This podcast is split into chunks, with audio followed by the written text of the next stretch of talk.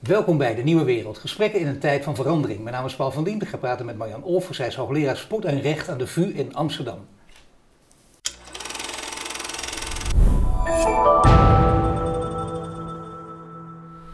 Marjan, welkom. Ja, we gaan praten over de Super League natuurlijk. Hè. Het grote geld en het voetbal. Want opeens twaalf clubs die zich uh, formeerden tot één grote league. Het leek ook nog even door te gaan. Het werd daarna ook heel snel afgeschoten. Maar daarbij viel één ding op. Spaanse clubs, uh, Italiaanse clubs, uh, Engelse clubs met name. Mm. Maar geen Paris Saint-Germain, geen Bayern München. Hoe kan dat? Nou, de vraag is ten eerste waarom zou je het überhaupt al proberen, zo'n Super League, als de belangrijkste clubs uit, uh, uit Europese landen niet meedoen. Dus als je een geslaagde competitie wil creëren, dat weet iedereen, zeg maar, die een beetje wat weet van breakaway leagues, hè, want we noemen het een league, een breakaway league, hè, die eigenlijk uit de bestaande competitie stapt. Um, dan, wat moet je dan doen? Uh, om dat te doen slagen, dan moet je gewoon de beste clubs hebben om die super-Europese competitie tot stand te brengen. En hoe krijg je een super-Europese competitie? Door alle beste clubs uit al die landen aan je te binden, die natuurlijk de grootste fanbasis hebben. En dan heb je kans van slagen. En zij gingen dus eigenlijk al gemankeerd van start, doordat er geen club uit Duitsland meedeed en geen club uit Frankrijk. Dus de vraag is dan ook, wat win je dan eigenlijk? Ja. want wij willen toch, wij denken nog vrij traditioneel. Je wil weten welke club is de beste bijvoorbeeld van Europa. Ja, maar we willen niet weten leuke vriendschappelijke wedstrijden waar niets op het spel staat. Dus als je dat commercieel goed wil uitnutten, had je op een andere manier dat in moeten regelen. En vermoedelijk hebben de andere clubs die niet meededen, daar zal best mee gesproken zijn, gedacht we wachten wel even en slaagt het. Dan kunnen we altijd nog inhaken wellicht, want wij zijn de beste vanuit ons land. En we gaan even kijken hoe dit zich ontwikkelt. Heel maar slim. Maar is dit toch een soort paniek bijna, als, als, ik, ik vind het bijna te dom voor woorden. Daar zitten mensen met heel veel geld, met heel veel kennis, met heel veel adviseurs, ook op allerlei gebieden. En die gaan inderdaad de competitie opstarten die in zekere zin uh, inhoudt. We gaan vriendschappelijke wedstrijden spelen. Want je, de allerbeste, of twee van de beste zijn er niet bij, dat kan niet. Maar dan toch even, waarom hebben die twee niet meegedaan, denk je, in het begin? Ik denk dat ze gedacht hebben, één is als je natuurlijk dit doet, dat zie je nu ook gebeuren, heb je het echt bij UEFA verbruikt. Hè? Dus uh, ja, hoeveel, uh, dat voelt niet lekker, ook niet op het persoonlijke vlak. Uh, soms spelen er ook persoonlijke ambities nog een rol ja. ergens. Hè? Van wie weet wel wie in welke commissie of wie, wie gaat opvolgen later. Ja. Hè, dus er spelen heel vaak persoonlijke belangen, teambelangen, maar ook natuurlijk je belangen van je aandeelhouders. En mogelijk is er gezegd, wij wachten even hoe dit zich gaat ontwikkelen. En wellicht kunnen we dan op een later moment aanhaken, wordt het succesvol. En dat is natuurlijk ook een strategie hè, die, je, die je kunt uitspelen. Dat begrijp ik, maar dan zou je zeggen, dan is de strategie aan de andere kant. En dan wachten wij ook even, want dit gaat nooit serieus genomen worden. Klopt. En ik denk dus, en dat hadden denk ik wel de adviseurs moeten zien, ook als ze kijken naar andere competities die wel een kans van slagen hebben gehad, dat je moet zorgen dat het natuurlijk een hele spannende competitie wordt. En een ja. spannende competitie is een competitie die, hè, dat je clubs hebt die heel erg uh, gelijk zijn. Hè, dus dat het heel spannend is of de een wint of de ander wint. Want ja, met alle respect, we vinden het misschien een keer leuk 10-0 winnen, maar dat is eigenlijk niet heel leuk om naar te kijken. Laten nee. we wel zijn. Dus dat is wat je wil. En aan de andere kant hebben we natuurlijk, als het gaat om Europese clubs, wil je weten, maar wat heb je dan gewonnen eigenlijk? Ja. Nou, en dat spanningsveld, uh, ja, toen ik dus zag welke, er meededen, welke clubs er meededen, maar vooral welke er niet meededen, ja. toen dacht ik, nou, ik, ik, weet het niet of ze dit gaan halen. Nou ja, ik las wel in allerlei verhalen die clubs die het dan toch hebben doorgezet tegen beter weten in die twaalf, waarvan jij meteen al zei van nou, dat gaat mis om deze redenen. Mm -hmm. Dat uh, het, het, woord hebzucht viel voortdurend ook. Uh, zie je wel de hebzucht en met name de voetbalwereld, iedereen was erop gefocust. Daar is het voor al aan de gang. Nu bleek het andere verhaal en zeggen, nou het is niet zozeer hebzucht, het is meer noodzaak. Want elf van die twaalf topclubs, hè, Barcelona, Real Madrid, alle Engelse topclubs, die moeten dit gewoon doen omdat ze echt zwaar in de schulden zitten. Dus het is meer noodzaak dan hebzucht. Wat vind je dan van die analyse? Ja, kijk, we moeten niet doen alsof het andere allemaal zonder geld is. Weet je, het is net, het, het gaat, het draait gewoon, die carousel draait om geld. Ja. Dat draaide het ook al voor de, de Super League. He, dat, dat is niet het verschil. Wat het verschil is, is dat eigenlijk de UEFA niet een goed antwoord heeft gehad op de belangen van de grote clubs. En wat is er gebeurd? De Champions League is steeds maar gaan uitdijen. Dat betekent ook dat de poet uh, verdeeld wordt. En wat je ziet, op het moment dat je de belangen van een gedeelte van je clubs niet meer goed kan behartigen, dan gaan die vaak, en dat zie je in alle bonden, alle verenigingen, niet, ook zelfs buiten het voetbal, die weten zich dan te vinden en denken: waarom hebben we eigenlijk die UEFA? Nog nodig? Laten wij met elkaar een andere competitie, een concurrerende competitie Ja, maar dat is op starten. zichzelf natuurlijk geweldig. hè. Die Dat gedachte is, geweldig, want de UEFA dat is ook één grote corrupte bende. Dat is eh, aan alle tafels die in Nederland bestaan geloof ik ongeveer wel zo uitgesproken. Ja, maar wat je ziet, kijk, eh, eh, even los van de corruptie. De, de Nou. UEFA is dus, want daar kunnen we het over hebben natuurlijk, hè, maar het, het is een monopolist.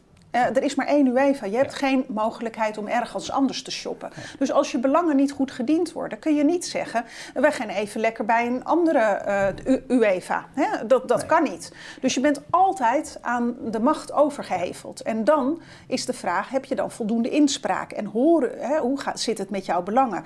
En als UEFA dan zegt van ja, we gaan steeds meer uitbreiden en die competitie gaat steeds verder verwateren, ja, dan luister je dus niet goed genoeg. En dan vinden de anderen elkaar. En natuurlijk vinden die elkaar op geld. Dus dat, maar we moeten niet doen alsof daarvoor geld geen issue was. En ze hebben altijd schulden gehad. Ik weet nog dat ik bij Real Madrid kwam en ja, die hingen. eh, ik, ik zat naast een meneer en ik zei: Goh, ik zit in de raad van commissaris van Ajax. Hoe bent u er gekomen? En die meneer zei: Ik heb een miljoen euro meegenomen. Toen dacht ik: Ja, dat Ja, is de nee, wereld waar we. ja. En dat is een miljoen. Ik Ja. bedoel, hè, van, eh, dus dit is de wereld waarin we leven. En dat is ook. De gemeente stopt er geld in, doen we hier ook nog steeds. Dus het is continu, en dat is, dat is het bijzondere aan het voetbalbedrijf. Het is geen Apple of Amazon of noem het maar allemaal op. Het verkoopt geen jampotjes of wat dan ook. Nee, het is een bedrijf dat maar één doel heeft, namelijk winnen op het speelveld. Dus die winst onderaan de streep, of er nou verlies is of niet, belangrijk is die continuïteit. Ja. En die, voor die continuïteit heb je geld nodig. En gelukkig is het nog steeds dat ook soms toch wel eens armere clubjes het best aardig doen. Ja, zeker. Maar dat komt bijna niet meer voor. Nou zie je wel dat, het, eh, dat, dat er toch wel degelijk kritiek op dat geld kwam. Namelijk, eh, je kunt zeggen, dit is de wereld waarin we leven. Doe niet zo naïef. Aan de andere kant, ja, zo'n wereld kun je veranderen. Het woord systeemverandering valt aan alle kanten. Dat wordt vaak gebruikt en misbruikt. Maar in dit geval bij voetbal zou je denken, nou, er zijn wel wat veranderingen nodig. Het begon al met Louis van Gaal, hè, die toen heel lang geleden, ik geloof midden jaren negentig al opmerkte, toen hij de Champions League won. Champions eh, League is een, is een commercieel gedrocht. Daar werd hij ook een beetje om uitgelachen. Ook vanwege waarschijnlijk zijn manier van doen en manier van vertellen. Maar er zat een zware kern van waarheid in. En hij is eh, ver op de, op, op de tijd vooruit geweest toen hij dat zei, of niet? Nou, wat we zien in, in de jaren 50, 60 was überhaupt het geld verdienen met de sport. Vonden we echt he- iets heel smerigs. Dat, dat, dat hoorde niet. Hè, dat, daar keken we naar zoals we nu naar doping kijken. Van, dat vonden wij in, heel oneerlijk. Dat geldmiddelen een verschil zouden kunnen maken in het wedstrijdspel. Hè, je hoorde mee te doen en, ja, en als je daarna dus leuk had gevoetbald, kreeg je een sigarenwinkeltje. Maar dat was het dan ook wel. Maar je, die, dat geld is pas toen pas eigenlijk geïntroduceerd en later pas geaccepteerd. Maar dan zie je dus dat je dan wel evenwicht moet zien te krijgen in geldmiddelen en sportprestaties. En dat hebben we onvoldoende gedaan. Maar Dus wat zie je dus? Dat de rijkere clubs konden steeds rijker worden en de arme clubs. Hè, dus je krijgt grote verschillen onderling tussen clubs. En ja, daar heb je gewoon last van. Maar wat normaal gesproken zou zijn in de economische theorie, dan wordt het ook niet leuk om naar te kijken. Want dan heb je clubs die altijd maar winnen en clubs Ja. die altijd maar verliezen. En op een of andere manier is die cirkel nog nooit doorbroken, want wij vinden het nog steeds spannend. Nou, we kijken wel altijd naar Amerika. Hè? Want kijk eens eventjes, daar kunnen ze dat wel in die competities en zo. Met name honkbal is het beste voorbeeld, denk ik ook wel. Waar je altijd die spanning wel houdt, omdat daar wel iets bedacht is. Toch roepen heel veel mensen ook, en dan moet jij me maar even goed uitleggen, waarom dat hier waarschijnlijk niet snel zou kunnen.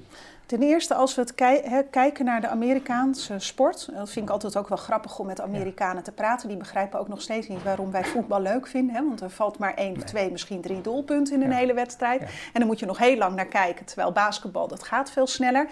De Amerikaanse sport is op een andere manier gegroeid en kon ook groeien. Omdat ze vanaf het begin het eigenlijk al zijn gaan zien en vermarkten als een commerciële activiteit. En wat zij daar veel beter door hadden dan dat wij hier door hadden, is dat je dan moet zorgen voor een x aantal clubs die met elkaar strijden en dat ze dan ook zo gelijk mogelijk moeten zijn aan elkaar. ja. Zij kijken naar de competitie als geheel. En die willen ze vermarkten als een geheel. En wat ze daar dus doen, is ook schaarste creëren. Niet iedere staat heeft dan een, een x-aantal basketbalteams op topniveau. Eh, eh, American voetbalteams, idem dito. Dus het is een beperkt aantal teams dat met elkaar in een gesloten competitie speelt.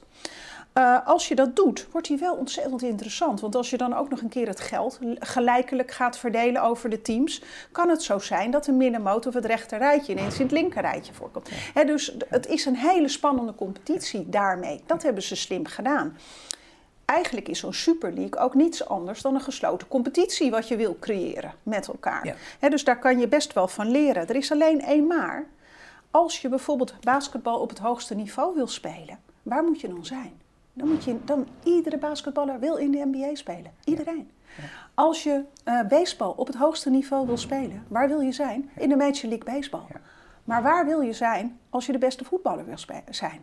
En waar wil je dan zijn? Dat zijn verschillende teams, dat zijn verschillende landen. Dat is, wij kijken heel anders. Dus als je hier speelt en iemand komt met een hele grote zak geld, dan kun je daar makkelijker naartoe. Dus die gesloten competitie daar kun je veel makkelijker runnen, omdat het ook gewoon de allerhoogste competitie ter wereld is. Ja, maar, daar kunnen, we, maar daar kunnen wij dus uh, naar kijken, ook, ook met bewondering dus, om al die argumenten die jij nu geeft. Maar wij kunnen daar niet van leren in de zin van dat we het bij, we kunnen het nooit één op één kopiëren, maar wel iets in die richting doen. Wij zouden dus, um, en kijk, het is niet voor het eerst dat zo'n Super League-idee ontstaat. we hebben destijds de G14 gehad, wat 18 clubs waren, waar nooit weten waarom het de G14 heette. Uh, maar um, die begonnen ook al met dreigen. En dat hebben we hier hebben we het ook wel eens gehad bij de KNVB, dat de amateurclubs met elkaar, omdat ze het niet zinden, zeiden: dan gaan we wel uit die KNVB. Uh, we hebben het in het basketbal gehad. we, je ziet het in darts, je ziet het in schaken. Dus wat je ziet, als je dus niet goed die belangen kan behartigen, dan, dan dreigt de groep uit te stappen. Maar de belangrijkste les is dan, het is het, ja, wij noemen dat in de economische theorie eh, de winner takes all principle. Je moet wel de beste competitie leveren. Want als je dat niet doet, ja, dan gaat dus niemand kijken. Een, een voor, goed voorbeeld is bijvoorbeeld het wielrennen. Ehm, een, een, heleboel wielrenners weten wel wie de wereldkampioen is, maar de meeste mensen kijken naar de Tour de France alsof dat de wereldkampioen is. En waarom? Omdat het een enorm spannende competitie is op het wielrenvlak. Maar die wordt niet georganiseerd. Die wordt georganiseerd door de Amori Sports Organization. dus een commerciële organisatie met dus heel veel macht. En waarom? Omdat hij dus zo'n kwalitatief hoogwaardige competitie tot stand weet te brengen. Goed, nu hebben wij de UEFA, we hebben wereldwijd de FIFA, beide uh, monopolisten, beide ook uh, uh, met, met, die, met die, niet die zwee, maar die walm van corruptie die daar omheen hangt. Het mm. ene schandaal naar het andere. Uh, de, te pijnlijk voor woorden, omdat het toch ook om een volkssport gaat. Hè? Dat moeten we ook nooit vergeten natuurlijk. Absoluut. En dan kun je zeggen, ja, dat winner takes all principe, ja, daar kun je, op alle gebieden wordt daar uh, aan geknaagd en, en daar worden dingen aan gedaan, maar niet in die voetbalwereld. Mm -hmm. Hoe moet je naar FIFA en UEFA kijken? Is het te makkelijk om alleen maar te roepen, dat is een corrupt zootje? Of zeg je mm. nou, het is het wel en het wordt tijd voor grote verandering? Uh, het eerste is, het blijven altijd monopolisten. En op het moment dat je macht gaat concentreren en je hebt alle macht, heb je dus ook de mogelijkheid dat macht gaat corrumperen. Ja. En om dat tegen te gaan, moet je tegenspraak organiseren. En dan moet je goede checks en balances in je structuur Tegen macht is lastig, ja. dat zien we overal. Dat is heel, heel moeilijk, hè? want wij kijken wel altijd met onze Nederlandse bril naar zo'n UEFA of erger nog, hè, de, de FIFA. En, maar dat bestaat natuurlijk uit, het congres bestaat uit allemaal mensen uit al die landen. En, en dat, dat gaat van, uh, ja, van, van alle landen op de wereld. Die kijken niet naar de wereld weten we inmiddels zoals Nederland naar de wereld kijkt. Hè. Wij hebben soort, soms een bepaald mate van superioriteitsgevoel, zeker als het gaat om integriteitsvraagstukken. Maar die weer, dat wil niet zeggen, hè, wij, wij, zijn dan soms een, beetje ook de missionarissen van de wereld. Hè. Wij vertellen aan al, er wonen hier net zoveel mensen, zeg ik, als uh, in een, een, redelijk normale stad in andere landen. Hè. Dus, uh, maar wij vertellen wel eventjes hoe de wereld in elkaar zit. Dat is natuurlijk ook verschrikkelijk arrogant. Maar belangrijk is daarin, macht concentreert zich en dan moet je tegenspraak Maar die is er dus niet. En ook zelfs overheden durven er niet naar te bijten. Dat hele corruptieschandaal is uiteindelijk aanhangen gemaakt door de Verenigde Staten. Niet door Europa, terwijl we hebben hier de Europese Commissie die al lang misschien iets had kunnen doen, maar niemand gaat er naartoe. Um, te veel belangen die met elkaar verweven zijn, te veel plusplakkers ook die belangen hebben en die willen blijven zitten en die kijken over vier jaar als ik dit en dat doe. Dus hele verkeerde motieven om gewoon eigenlijk tot handelen te komen. Stel, ze, eh, sterker nog, we hebben het Bosman-arrest gezien en uh, ik heb destijds ook met de eurocommissaris ook gesproken uh, toen ik bezig was met mijn proefschrift. En ik durf de stelling wel aan dat als daar de voetbalwereld niet zo ontzettend arrogant was geweest en gewoon in onderhandeling was getreden met de Europese Commissie, we mogelijk niet eens het Bosman-arrest hadden gehad. En we zien dus daarna allemaal zaken, ook op Europees niveau, die dan vlak voor de einddatum, dat eh, heel jammer voor mijn vakgebied, want we hebben geen zaak, maar geschikt worden. dus die druk die komt eruit. En uiteindelijk zie je dus ook hele emotionele betogen van Europarlementariërs over dat voetbalspel, bijvoorbeeld. Maar het recht hoor je gewoon toe te passen. En we hebben gewoon rechtsregels over macht en machtsmisbruik. Maar dan moet je wel durven bijten naar die machtige monopolist. Ja, maar blijkbaar dus durven we dat nee, niet. maar waarom durven ze dat niet? Want ik bedoel, die rechtsregels zijn er, maar die kun je dan veranderen. Daar doe je heel erg je best voor en dan krijg je inderdaad echt een grote verandering tot stand brengen. Wat is de reden, de belangrijkste reden, ook voor politici, om daar niet door te bijten? Eh, de eerste is, uh, als we kijken naar Bosman. Nou, uh, Bosman, als je die nu zou denk ik interviewen, weet ik niet of hij zou zeggen van, nou dat was een goede set van mij.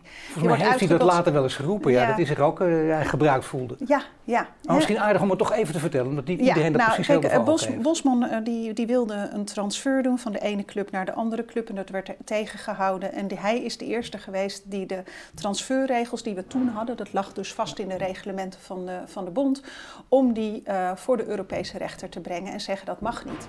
En hij won die zaak. Alleen op dat moment uh, had hij er nou veel aan? Nou, eigenlijk hij niet. Dat was een soort vooruitgeschoven post. Maar op het moment, en dat weet iedereen, als je tegen, je tegen de voetbalfamilie creëert, of dat nou aansprakelijkheidszaken zijn of wat dan ook, je wordt uitgekotst door die wereld. En, uh, en als dat je beroep is, en als je misschien ook verder wil in die wereld, um, ja, dan is het niet heel verstandig voor jezelf en je eigen positie, uh, om hard tegen die wereld te gaan schoppen. Er zijn hier dus wel degelijk helden nodig, hè? die gewoon ook, uh, dat zien we toch altijd overal. Hè? Dan, gaat, dan hangt het vaak wel van individuen af die wat durven. Laten we zeggen, Bosman, een, zeker naïviteit, uh, heeft zich laten gebruiken, maar een, een, goede Bosman die kan het ook weer keren. Of is Klopt. dat te idealistisch nou, ja, Kijk, Bosman stond eigenlijk feitelijk veel te veel alleen. En dat, dat, ik trek wel eens de para parallel daarin, ook met andere klokkenluiders als het ware. Wat doen we daarmee? Die, ja, als collectief, hè, ergens, hij, hij, zegt, jullie systeem deugt niet. Ja. En daarop reageert iedereen, ja, dat, we mogen dat wel doen. En die gaan vechten. Dus je komt uh, als individu tegenover het collectieve systeem te staan. En wat wordt er dan altijd gedaan? Van ja, dan ga je eerst kijken van hè, lukt het niet op de inhoud, niet op het proces, dan pak je de persoon en gooi je weer uit het bakje. Was altijd al lastig, konden we al lang niet mee werken. En dat is wat je hier ook nadrukkelijk sterk ziet. Dus als je die zaken wil winnen, heb je een collectief nodig eromheen. En dat collectief moet breder gedragen zijn. En als we dan toch terugkeren naar het onderwerp, bijvoorbeeld die Super League, dan zie je dus dat die macht ineens, hier kwam ineens tegenmacht. Ja. En uit de hoek van de fans en de publieke opinie. Nou, maar dit is bijna dus een film waard. Hè? Dan denk je, dat kan niet waar zijn, dat is veel te romantisch als je dit van tevoren had geroepen. Maar inderdaad, de fans worden boos. En dat gaat door tot op de dag van vandaag. Dat is ook een verschil met vroeger. Hè? Dan was het een weekje, dachten, ik zou maar zeggen, wij van de media ook, oh, dat is weer voorbij. Je ziet dat zaken nu gelukkig veel langer gevolgd worden. Mensen blijven vasthouden, vasthouden. En daardoor kun je niet in die oude trucjes uh, verzanden en dan de oude rituelen vasthouden. En je zag het hier ook bij Manchester United. Hè? Inderdaad, de fans die daar gewoon zorgen dat een wedstrijd niet doorgaat, omdat ze boos zijn op de Amerikaanse eigenaren. Klopt die macht van het volk, die wordt dan opeens in romantische columns, uh, op, ja, worden deze fans op een voetstuk ge gehezen. Uh, denk je dat de fans, als ze doorbijten, veel meer macht hebben dan ze denken, als ze zich gaan verenigen? Dat, dat zie je nu al. Ik bedoel, uh, ik denk soms wel eens, ook zelfs in binnen onze politiek worden we vandaag op dit moment geregeerd door, door Twitter. Hè? Dus uh, je, je ziet nu, mensen kunnen elkaar ja. vinden. Je kan op, op social media kun je nu een collectief vormen, op welke bubbel dan ook. Je kunt oproepen op Facebook en dergelijke. Maar hier, hier raakten ze ook daadwerkelijk het hart van de mensen. En ook zelfs al hou je niet van sport, want dat hoor ik natuurlijk ook altijd als hoogleraar sportrecht je hebt gelijk. Er zijn mensen die houden niet van sport en die zeggen dat is dan altijd de eerste zin naar mij. Ik hou niet van sport. Nou, wees gerucht, lieve mensen, u hoeft van mij niet van sport te houden. maar, uh, maar hier, dit kan je niet onberoerd laten. Het is iets van het volk. En, en iedereen, dat, ging, dat filmpje ging viraal van, van die jongen die echt in zijn auto zat en die zegt ik ga elke zaterdag en, en die helemaal los. Maar dat is het sentiment wat erachter zit. En dat kun je nu niet meer wegpoetsen. Um, dus we kunnen het allemaal zien. Dat kon voorheen had je alleen Nederland 1, 2, 3. Dus ja, hoe, hoe zat dat? Maar nu gaat dit viraal en blijkbaar dat wordt opgepakt. En dan zie je de sponsoren, de mensen die erachter zitten, die denken ja, dit voelt gewoon niet goed. En dan zie je ineens dat ze toch, uh, toch ophouden. Ja, en dan zie je de macht van het volk. En die wordt dan ook in, in getallen meteen weer uitgedrukt. Hè, bij die Glazers ook, de Amerikanen. Overigens ook raar, moet het daar nog maar even over hebben. Amerikanen die zo'n club pakken, die laten hun gezicht nooit zien. Vader inmiddels overleden, twee zoons hebben het overgenomen. Nou, die zie je ook bijna nooit aan. Dat is al heel slecht. En ze doen niet eens moeite om, het, om, om de mensen waar het om gaat een beetje te bereiken. Maar dan gaat het ook om, om bedragen. Ik, ik pluk het eruit uit een paar stukken. Seizoenkaarten beginnen bij ruim 500 pond per stuk. Nou, dat zijn wel bedragen. Een biertje kost 5 pond, een uitkaartje minimaal 85 pond. En mensen die roepen hoe gezellig het vroeger was, laten we als voorbeeld Amsterdam nemen, de meer, daar ben je denk ik ook wel eens geweest. Ik ook, nou, dat is een ramp natuurlijk, dat is echt een, een, een oude bak gewoon, waar echt uh, met lauwe pils en, uh, en vieze pisbakken en, en weet ik wat. En het, uh, de, de helft van het stadion stond naar urine, zeker, maar ik zou toch niet terug gaan naar die tijd. Alleen, jij wel trouwens? Nou ja, ik, ik nee, ook een beetje. Ik vond het, ik vond het, wat het leuke was, ik, ik weet nog wel, ik, volgens mij was het de Ajax FC in Den Bosch. En ik merk wel dat er dan een stuk wel nostalgie is met het gras wat je kon ruiken. En, en uh, achter het doel, het was geweldig. Maar dat nou, waren andere ja, tijden. Maar de helft van het stadion, uh, een ja, doordringende urinelucht, op een gegeven moment wil je daar toch uh, vanaf eigenlijk. Dat zeker, toch wel, dat zeker. Dat wou ik zeggen. Nee, goed. En, en, uh, maar goed, het, het, een andere soort sfeer, maar er moet een soort mengeling tot stand gebracht kunnen worden. En even terug naar Manchester United. De macht van het volk is daar heel groot gebleken. En nu moeten ze gaan doorpakken. Nu moeten ze echt iets gaan proberen. Want inderdaad, zeg je, die hele wereld begint nu te, te, een beetje op de grondvesten te schudden. Is dit dan echt het moment om er eens wat aan te doen? Er wordt er 30 jaar over gesproken, maar nu denk je, nou wacht eens even, kijken eens wat voor macht ze hebben. Met dank ook aan, aan nieuwe media die zijn opgekomen. Ja, klopt. Uh, het, het, zit op een aantal punten. Ergens wat we allemaal willen met elkaar, en dat hoor je eigenlijk ook die voetbalfans zeggen, hè, want ze gaan naar uitwedstrijden, ze reizen mee. Ze, het is hun hele lust in hun leven. Ze hebben de hele week hard gewerkt en dan ga je in het weekend, ja, ga je genieten gewoon van je clubje. Ja. En het wordt ook je clubje. Het is je familie, het is je omgeving, het is alles wat je, ja, waar je naartoe leeft eigenlijk. Dat vertelde die man dan. Ja. En wat doen we dan? En dat is, daar zit natuurlijk iets heel irrationeels in. Want als je dan die bedragen hoort, het 500 pond voor zoiets. De gewone man kan gewoon niet meer het stadion in. Um, maar de, aan de andere kant uh, is het nog steeds zo dat mensen dat blijkbaar dus betalen. Ik vind het ook heel jammer, hè, want het, het zijn allemaal die VIP-plaatsen. Het is allemaal, terwijl uh, gun juist die mensen uh, ook een plek in het stadion, ja. zou je denken. Uh, maar die worden steeds, het, het, het vercommercialiseerd. Maar het is gewoon de wet gewoon vanuit de economie. Er is schaarste. We hebben een beperkt aantal wedstrijden en nog steeds een heleboel mensen die blijkbaar die kaartjes willen kopen. Plus het kapitaal loopt op het speelveld. Dus dat betekent dat in het, uh, op je balans op de linkerkant gewoon alle namen van de spelers en er wordt keurig over afgeschreven. Net als over machines, bankwerkers en noem het, hè, uh, panden en alles. Dat staat op het veld. Dus waar gaat het geld naartoe? Ja, naar die ziet, kant. Uh, nee, ik snap wat je zegt. Maar als we dan toch naar de economie kijken. We hebben natuurlijk heel vaak hier allerlei hoogleraar economie, veel collega's ook van jou hier aan tafel. Die allemaal natuurlijk over de schuldenberg ook beginnen. Die allemaal naar de ECB wijden. Nou, lekker, ga maar door met je, met je, ja, met je, met je gratis geld. Naar de Fed in Amerika. Dus ik bedoel, op een gegeven moment is het spel voorbij. Hè? Da daar gaat het juist om. En je kunt dus zeggen, dat spel blijven we eindeloos spelen. Aardig is om, om dat voetbal eruit te pikken, omdat veel ogen daarop gericht zijn. Brood en spelen, hè? dat is ook, het is, het is voor ja, beide partijen van belang. Voor de machthebbers en, en voor het volk. Dus dan kan je, zou je kunnen zeggen, uh, ja, er is een moment dat het spel voorbij is. Uh, dat wil zeggen dat dat, dat commerciële spel dat uit de hand aan het lopen is. Maar jij denkt niet dat dit het moment is?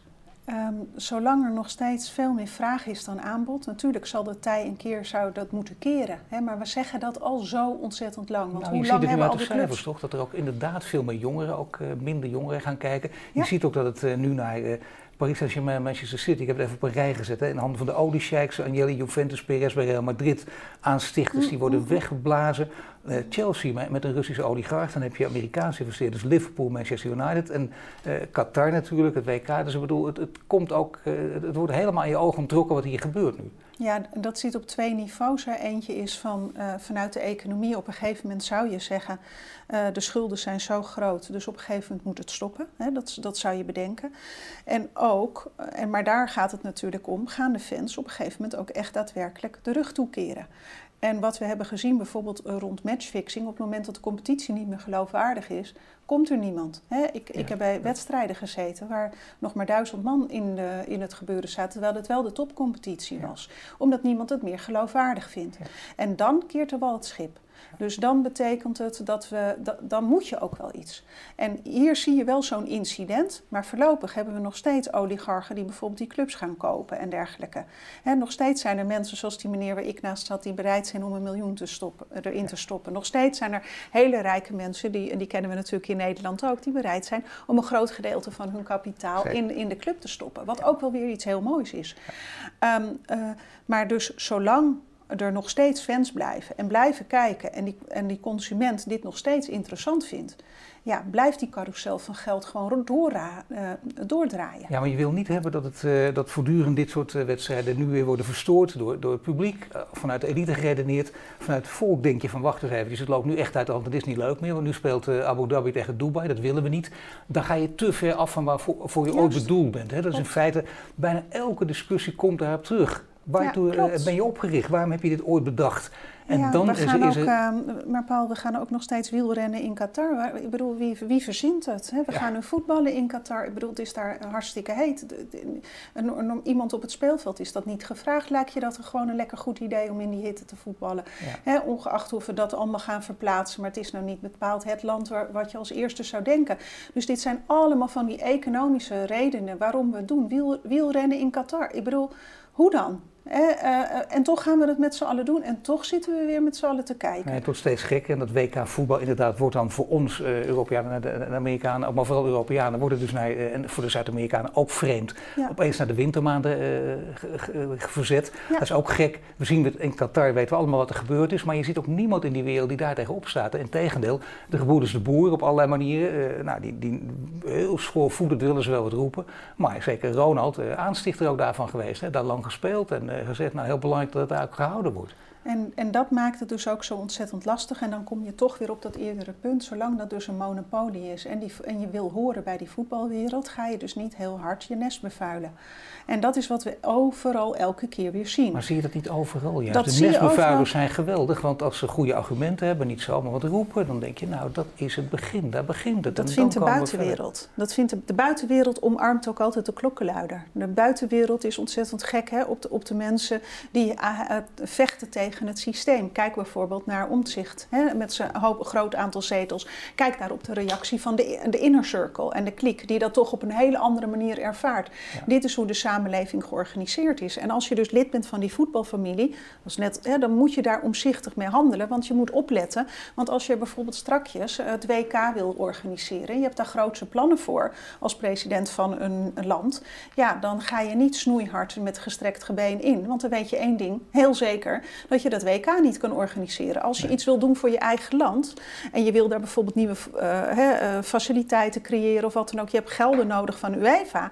Wat ga je doen? Ja, dan ga je niet snoeihard tegen, uh, daartegen vechten. Want dan weet je één ding, dat je gewoon oorlog krijgt. Nee, en dat is nu zo, zo georganiseerd. ja, en dat zien we nu natuurlijk ook weer over de posities, hoe die verdeeld moeten worden. Wie, wie komt erin, wie komt er niet in. Als wij hard aan het vechten zijn, kijk bijvoorbeeld naar onze IOC-positie in, uh, uh, voor Nederland. Ja, die zijn we gewoon op op dit moment gewoon kwijt. En hoe komt dat? Ja, eigenlijk door ons eigen handelen. En dus je moet continu naar jezelf durven kijken van welke positie neem ik in. En dat is dat schaakspel. En van buitenaf is het heel makkelijk om te zeggen je moet niet meedoen.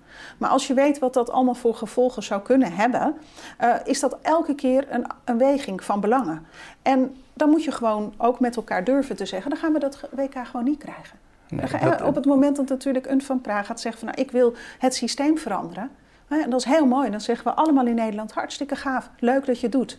Wat denk je dat die hele groep daar denkt? Zo gaan we niet met elkaar om. In het buitenland wordt dat gezien als frontale aanval. En als je al wat vindt, hou je dat binnen kamers, maar niet op tv. Op alle, op alle terreinen zie je dit natuurlijk. Hè. Dat is ook de beste stuurlers aan een wal en kun je, je kunt het makkelijk roepen. En je kan ook zeggen, bijvoorbeeld, laten we toch het voorbeeld van Ronald de Boer nemen. Die kan van binnenuit wel proberen wat te doen. En die kan nu ook een keihard statement maken en dan gewoon terzijde worden geschoven. Daar heeft hij niets aan, daar hebben wij ook niets aan. Tuurlijk, het, het, het, is, het is een lastig spel. We zien liever dat er af en toe wel eens rechtstreeks been. Toch zie je wel dat daar de eerste stappen vaak worden gezet. Hè. Ja, kijk, als een Vak als Havel, uh, kijk eens even wat, wat de, de, de, val van de muur, die had ook niemand. En opeens gaat het dan toch heel snel. Toen zijn er talloze voorbeelden. Kijk, als een Ronaldo zich uit gaat spreken en een Messi gaat uitspreken, is dat heel wat anders dan als iemand die zich in Nederland uit gaat spreken. Dus het ligt er ook aan wie met welke positie stap, doet een stap op dat moment naar voren. Maar dat zijn de mensen ook vaak die het minste verliezen hebben. Zie je achter de schermen dat er, dat er iets gaande is? Ik bedoel, een paar grote namen die zich verenigen, want dan heb je macht in handen. Nou, wat je natuurlijk nu ziet is, uh, en dat vind ik wel ook uh, een belangrijk punt, we, we, uh, er zit wel een onderstroom in die samenleving en die proef ik op dit moment wel. Hè? En dat zie je van, we pikken een aantal zaken niet meer. Hier gaan de fans dus naar voren om, om toch te zeggen, wij gaan als collectief nu zeggen, wij willen dit niet meer. Hè, dus je ziet wel die, die, die macht en die tegenmacht en ook de transparantie daarin. We kunnen het nu allemaal wel met elkaar aanschouwen. Dat was in vroeger tijden niet. En wat je nu zal gaan zien is, is en, en ik vind dat ook altijd lastig, ook zelfs voor mijn eigen positie. Je bent een onafhankelijke derde, maar hoe ben je effectief? En soms ben je effectiever door het spel. Je moet nooit over je eigen grenzen, maar wel het spel mee te spelen. Want anders ben je de spelbreker en dan sta je sowieso naast het veld. Want dan word je niet opgesteld en niet geselecteerd. Hè? Want de sport, moeten we ook nog een keer realiseren, heeft wel het machtigste dwangmiddel. Je doet gewoon niet mee. En je, voor jou tien anderen op het veld. hè, die, die kunnen we vinden. Dus hoe speel je het spel slim? En het truc is om eigenlijk van binnenuit tegenmacht te creëren op een manier waardoor de anderen je nog steeds wel respecteren. Maar dat vraagt je wel een, een enorm strategische uh, kracht. Ja. Uh, en dan nog iets, je moet altijd zorgen dat je niet alleen aan het strijden bent. Hè? Dat je nee. als je omkijkt, dat je nog ergens staat en er mensen ook nog naar je toe willen. Maar wat we vaak zien, als iemand zich gaat uitspreken, dan gaat de rest kijken. Oh, uh, en als ja, ook dan is, de mensen komen, zijn dan altijd voor de winnaar en hebben dan altijd gezegd, heb ik altijd al gezegd. Nee, maar als waar. de ander het was geworden, hadden ze wellicht precies hetzelfde gezegd. Nee, dat is het gebruikelijk opportunisme, wat we gewoon door de eeuwen heen altijd overal zien. Je, hebt, je, je hebt helemaal gelijk, maar dan, dan zie je dus hoe belangrijk timing is. Hè? Ja. En daarom zeg jij ook, er is zich nu een tegenmacht aan het ontwikkelen, dat zou nu kunnen. Dat gestrekt been, dat, dat is even leuk, dan heb je even wat opwinding een weekje, maar uiteindelijk word je toch weer koud gesteld. Je moet zorgen dat je serieus het kan veranderen. Maar er is dus een tegenbeweging gaande, een serieuze tegenbeweging, waar je dus altijd ook de echte ambassadeurs voor nodig hebt. De Ronaldo's ja. en de Messi's, maar dat kunnen ook anderen zijn. Dat kan ook Guardiola zijn. Dat kunnen ook dat soort coaches zijn. Nou ja, kijk, die dat kijk, af en toe wel doen, hè. Koeman nou ook, die af en toe wel prikken. Tuurlijk, en ik, ik zit natuurlijk zelf bij de commissie Mijnals. Hè, en dan Gullit zie ik, ook. Ja, Gullit. En, en daar heb ik enorm veel respect voor. Omdat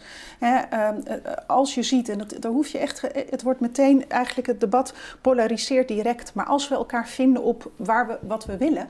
Namelijk, we willen de beste talenten op de beste plek hebben. Ja ongeacht kleur, afkomst, wat er ook is. Maakt allemaal niet uit. Ja. Als je dat uitgangspunt, daar kan niemand tegen zijn. Nee. En als je langs die weg probeert, dan gaan je zaken opvallen. En dan denk je, ja, we hebben zoveel talent, dat laten we liggen. En daar heb je ambassadeurs voor nodig die ook de anderen weten te overtuigen. Je hebt de believers en de non-believers. Ja. Uh, maar je hebt ook gewoon de feiten. En ja, ik ben natuurlijk ja. wetenschapper. Laten we het alsjeblieft dan over de feiten hebben. Als we gewoon gaan kijken, wat is er gaande? Er is gewoon onvoldoende diversiteit. Of dat nou gaat over vrouwelijke scheidsrechters... of het nou gaat over mensen van kleur in posities bij de KNVB. Uh, terwijl, hè, de, uh, daar moet je het wel met elkaar over hebben. En waarom? Niet omdat het gaat om kleur, maar omdat we willen dat het talent naar boven komt. En daar heb je dragers nodig. En dat kan ik roepen vanuit mijn wetenschappelijke achtergrond, maar als Gullit dat roept in de voetbalfamilie, nee. of een Edgar Davids, of wie dan ook. Maar daarnaast ook al die mensen, hè, niet van kleur, die gewoon zeggen: we hebben gewoon talent nodig en laten we daarvoor gaan. Dan krijg je een samen. Dan vindt er verandering plaats in de samenleving. Tuurlijk. En ik voel die verandering wel. En dan gaat het over wetenschap en over feiten, maar het gaat ook altijd dan vervolgens over waarden. Dan moeten we wel ook een, een keuze ervoor maken op basis van die feiten. En dan wordt het toch weer een, een andere discussie, misschien een veel diepergaande discussie. Ja. Dieper liggend en dan wil je weten wat, wat er mogelijk is. Uh, ik, ik weet niet of het te moeilijk voor jou is, maar het mooiste zou zijn. Je hebt nu een paar namen genoemd, maar er zijn ook een paar namen waar ik niet aan denk. Die, die zeggen wij kunnen bij elkaar gaan zitten. Uh, zoals je dat af en toe ziet. Hè? Je kunt toch zeggen dat pensioenprobleem is heel erg lastig, maar we zetten vijf knappe koppen die anders denken. Die zetten we bij elkaar, die vertrouwen elkaar en die mogen tot een oplossing zien te komen. Dat zou je hier natuurlijk ook kunnen doen. Hè? Klopt, maar wat je dus ziet is wanneer vertrouw je elkaar als je op elkaar lijkt. Ja. Dat maakt het altijd lastig. Dus wat we geneigd zijn, en dat zeg ik ook elke keer, ik roep dat al steeds bij de KNVB, maak die selectiecommissies gewoon diverser. Um, maar wat doen we? We kiezen altijd iemand die op ons lijkt, want die vertrouwen we. We vertrouwen iemand die er heel anders uitziet, met een hele andere achtergrond, die heel ergens anders geboren is. Of we, dat vinden we toch een beetje eng. Dat, zo zitten mensen in elkaar. Wij vertrouwen de mensen die op ons lijken. En die willen we het liefst ook kiezen, want die vinden we leuk. En dat ja, doen we heel erg Maar in de voetbalwereld zelf zie je juist in teams. Dat is nou het mooie van voetbal. Je ziet er alles en iedereen door elkaar lopen. Daar wordt er niet over gesproken. Ja, maar til dat is op naar bestuurlijk niveau. En ja, dan hebben we het dus niet. Nee, klopt. Nee. En dus ergens gaat er iets fout. Dus we zijn blijkbaar wel in staat om het talent op de, goede, de beste rechtsbuiten ergens neer te zetten. Dat kunnen we wel. Maar als we het hebben over de top van de KNVB, lukt het ons niet om daar gewoon de talenten neer te zetten, ongeacht welke kleur dan ook. Nou ja, en dan natuurlijk ook uh, wat voor achtergrond dan ook. Het, het, gaat niet om kleur, het gaat echt om alles. Het gaat en echt om alles. kleur zie en, en dan, echt even in brede zin hoor. Uh, in brede zin, van, ja. van, vrouwen, mannen, maar ook weet je gewoon, maak het divers. Hoe leuk is dat? Weet je, als wij Nederland nog hadden in de jaren 50, ik vind het hartstikke lekker dat ik overal uh, ander eten kan vinden. Hè? Dus het, het zit erop dat je met elkaar in creativiteit, um, ook in het anders zijn, elkaar weer kan vinden. Ja, maar dan wel de beste mensen. Dat lijkt dan wel een hele belangrijke natuurlijk. Hè? Dat je niet denkt van kijk eens even, wat hebben een leuk divers gezelschap. Ja, en weet helemaal geen reet voor. De beste mensen, maar kunnen die, kunnen die beste mensen, daar gaat het om, kunnen die een plan op een A4 zetten? Waarvan ze zeggen, luister er dit lang, is... Maar wat, wat, wat, is het, wat Kijk, zou nou, los Ik van ben de praktijk... zelf ook vrouw. Bij mij werd altijd ook gezegd. ook, ja. ja. dat, ja, dat is goed. Maar, maar bij mij werd ook altijd gezegd: we willen wel kwaliteit. Eigenlijk weet je wat je daar eigenlijk indirect mee zegt, alsof er niet kwaliteit zit ertussen. Maar die, dat is kwaliteit. Er is kwaliteit genoeg. Alleen we doen onze ogen niet goed genoeg open. We kijken nog steeds met een traditionele bril naar selectiecommissies. Als ik bijvoorbeeld wist dat ik zou moeten solliciteren bij vijf mannen, hè, eh, allemaal witte mannen van een bepaalde leeftijd, en ik ben de enige vrouw voor die positie. Ik denk dat ik niet eens zou gaan solliciteren. Dan zou ik denken, ja, ze zoeken toch allemaal van hetzelfde. Terwijl als daar bijvoorbeeld allerlei andere mensen, jong, oud, alles door elkaar was, dan zou ik denken, hé, hey, weet je, misschien heb ik wel een kans. En daar begint hij eigenlijk al. En Dus daar op- begint, denk jij, ook het doorbreken. Dan zou je eigenlijk ook gewoon dit het. hele systeem kunnen doorbreken waar we het nu over hebben. Maar dan toch ben ik wel benieuwd naar dat, want natuurlijk, de beste Ja. kwaliteit, nee, sowieso. Maakt me niet uit als er de beste mensen bij elkaar zitten. En wat gaat er dan gebeuren? Wat, wat is het plan? Het, het plan is ten eerste, eh, wat, wat wil je bereiken? Je wilt talent op de juiste plek. Dat willen we allemaal. Dat willen we in de media, dat wil ik in mijn vakgebied en dergelijke. Maar hoe krijg je en hoe zorg je voor een goed proces dat die kwaliteit er ook echt de eerlijke kansen krijgt? Ongeacht, weet je, het maakt mij helemaal Ja. niet uit wie er dan komt. Maar wat we zien is dus, doordat we uit de wetenschap blijkt dat iedereen kiest voor iemand die op elkaar lijkt. Hè? Want ik bedoel ook met man-vrouw, als het allemaal eh, opgegroeid is in dezelfde plaats, naar dezelfde universiteit is geweest, in dezelfde, dan heb je ook nog allemaal dezelfde mensen. Wat we juist willen is dat het lekker even een beetje gaat schuren, want door schuren ontstaat grans. En dat moet je durven. En om dat te kunnen doorbreken, moet je dus eerst dat selectieproces aanpassen. En, en dat moet divers zijn. En dat betekent dat je gewoon moet zeggen van... goh, we gaan eens even kijken, hoe gaan we dat doen? En daar komt dan iemand uit. En niet heel opportunistisch, ik kende die nog. En ja, zo gaat het in dit Nee, vooral niet die, het- diezelfde denkwijze erin houden. Dat Juist. gaat nooit iets veranderen, dat is heel duidelijk. Ja. Maar wat is het dan? Wat is het plan dan? Hè? Want laten we nu even los van dat ik, ik, allerlei praktische bezwaren, die zijn altijd in de weg, dat weten we. Dat geldt, er zijn er mooie gedichten over geschreven. Dan gaat het nu over hoe zou je de ideale, eh, hoe zou een ideale voetbal, voetbalcompetitie kunnen creëren? Waar iedereen plezier van heeft en waar het niet alleen maar gaat, eh, het mag- het mag van de sterkste. Ja, eh, eh, daar denk je natuurlijk altijd, als je, helemaal, eh, als je het helemaal weg zou doen... en ik denk dan altijd van, laten we eens eventjes alles weggooien... en we zouden opnieuw gaan bouwen. Hè, even helemaal Ja, opnieuw gaan bouwen. Kijk, dan zie je al dat die Nederlandse com- competitie... die krijg je op dit moment zoals die nu is... eigenlijk al überhaupt niet rendabel. In het, hè, je hebt FC Eindhoven, je hebt Helmond... Je hebt, eh, al die clubs zitten allemaal bij elkaar op een kluitje. Ja. Terwijl ik net heb gezegd, Nederland is zo groot als nou, zo'n postzegeltje, weet je wel. Dus eh, er wonen maar heel weinig mensen. Als je dat commercieel interessant wil hebben, eh, dan zou je eigenlijk moeten schaarste moeten creëren. Dan moet je zeggen, we gaan op deze, dit gebied met zoveel achterland, eigenlijk zoals de Verenigde Staten, zou je moeten zeggen, dan gaan we die clubs verdelen en zoveel clubs heb je dan nodig. Dat lukt nooit, want je hebt die traditie. Ga maar eens proberen een club op te heffen of Ja. te fuseren met Ja. elkaar. Want juist buurclubs, die waren traditioneel altijd zo. Dat waren eigenlijk de derbies zeg maar, op dat op mini kleine stukje. Want dat vonden we altijd ontzettend spannend. Hè? Eh, Sparta, Feyenoord of noem het maar allemaal op.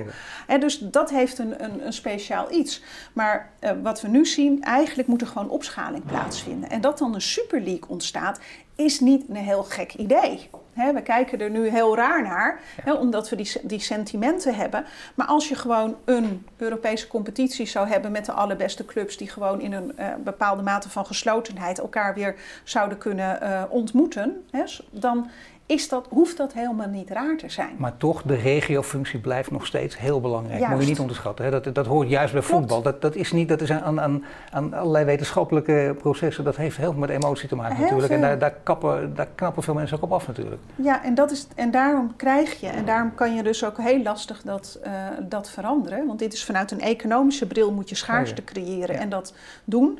Maar wij, wij komen uit een voetbaltraditie waarin we juist een enorme lokale binding hebben. En die lokale binding maakt het ook weer zo mooi. Hè? Het is de lokale ondernemer die de lokale club sponsort. Uh, en juist die regionale gedachte is een enorme sterke verankering zoals we het hebben. Is niet zomaar dat bedrijfsmodel zich op toepassen. Maar wat zou je dan moeten hebben? Wat kom ik dan in de praktijk tegen? Stel dat jij het helemaal alleen wordt zeggen dat jij dictator Olvers en die gaat nu zeggen over twee jaar krijgen we een ideale competitie te zien en jij mag het bepalen. Ja, nee, Paul, die kan ik echt niet aan hoor. nou, dan krijg je de kans, weet je. nee, ik, ik, hou ontzettend van tegenspraken. Dus ik uh, gooi mij maar in, in een groep uh, diverse mensen. En als het flink de pan, nee, vlam in de pan, dan krijg je... Krijg maar je hebt hier natuurlijk al lang over nagedacht. En op een gegeven moment, daar, wil ik toch echt... Ik bedoel, ik, ik, die blauwdruk is ook te makkelijk. Dat, dat, dat, dat snap ik ook wel. Maar iets in de richtingen van die competitie bestaat dan bijvoorbeeld uit 36 clubs. En dan, dan blijf je toch Kijk. in dat hele speelveld zitten met transfersommen die naar 100, 200 miljoen gaan. Nog meer. Ja, daar willen we op een gegeven moment ook vanaf. Of dat knapt ook een keer. Ja, je denkt steeds dat het knapt, maar voorlopig blijft die economie, als draaien we die enorme verliezen, blijft nog steeds draaien. Uh, ik, ik hoop, maar goed, dat is even een hele andere out of the box. Um, ik merk aan mezelf, en ook ik doe natuurlijk al heel lang onderzoek, dat ik inmiddels veel meer naar andere sporten aan het kijken ben. Uh, naast voetbal, dat vind ik nog steeds prachtsport. Um, maar dat ik echt ook kijk naar andere sporten. En ik denk dat er jeugd aan gaat komen Natuurlijk blijven we voetballen, want het is een van de makkelijkste sporten. Je hebt een bal, je pakt een. Dus daar, en dat ludieke, die traditie kinderen, is ook van die enorm belang. Ja, blijkt. Maar bedoel, hè, de, de gevechtsporten zijn enorm in opkomst, wordt enorm veel bekeken. Um, nou, ik, ik, zie ook nu wel andere sporten zich ook weer ontwikkelen.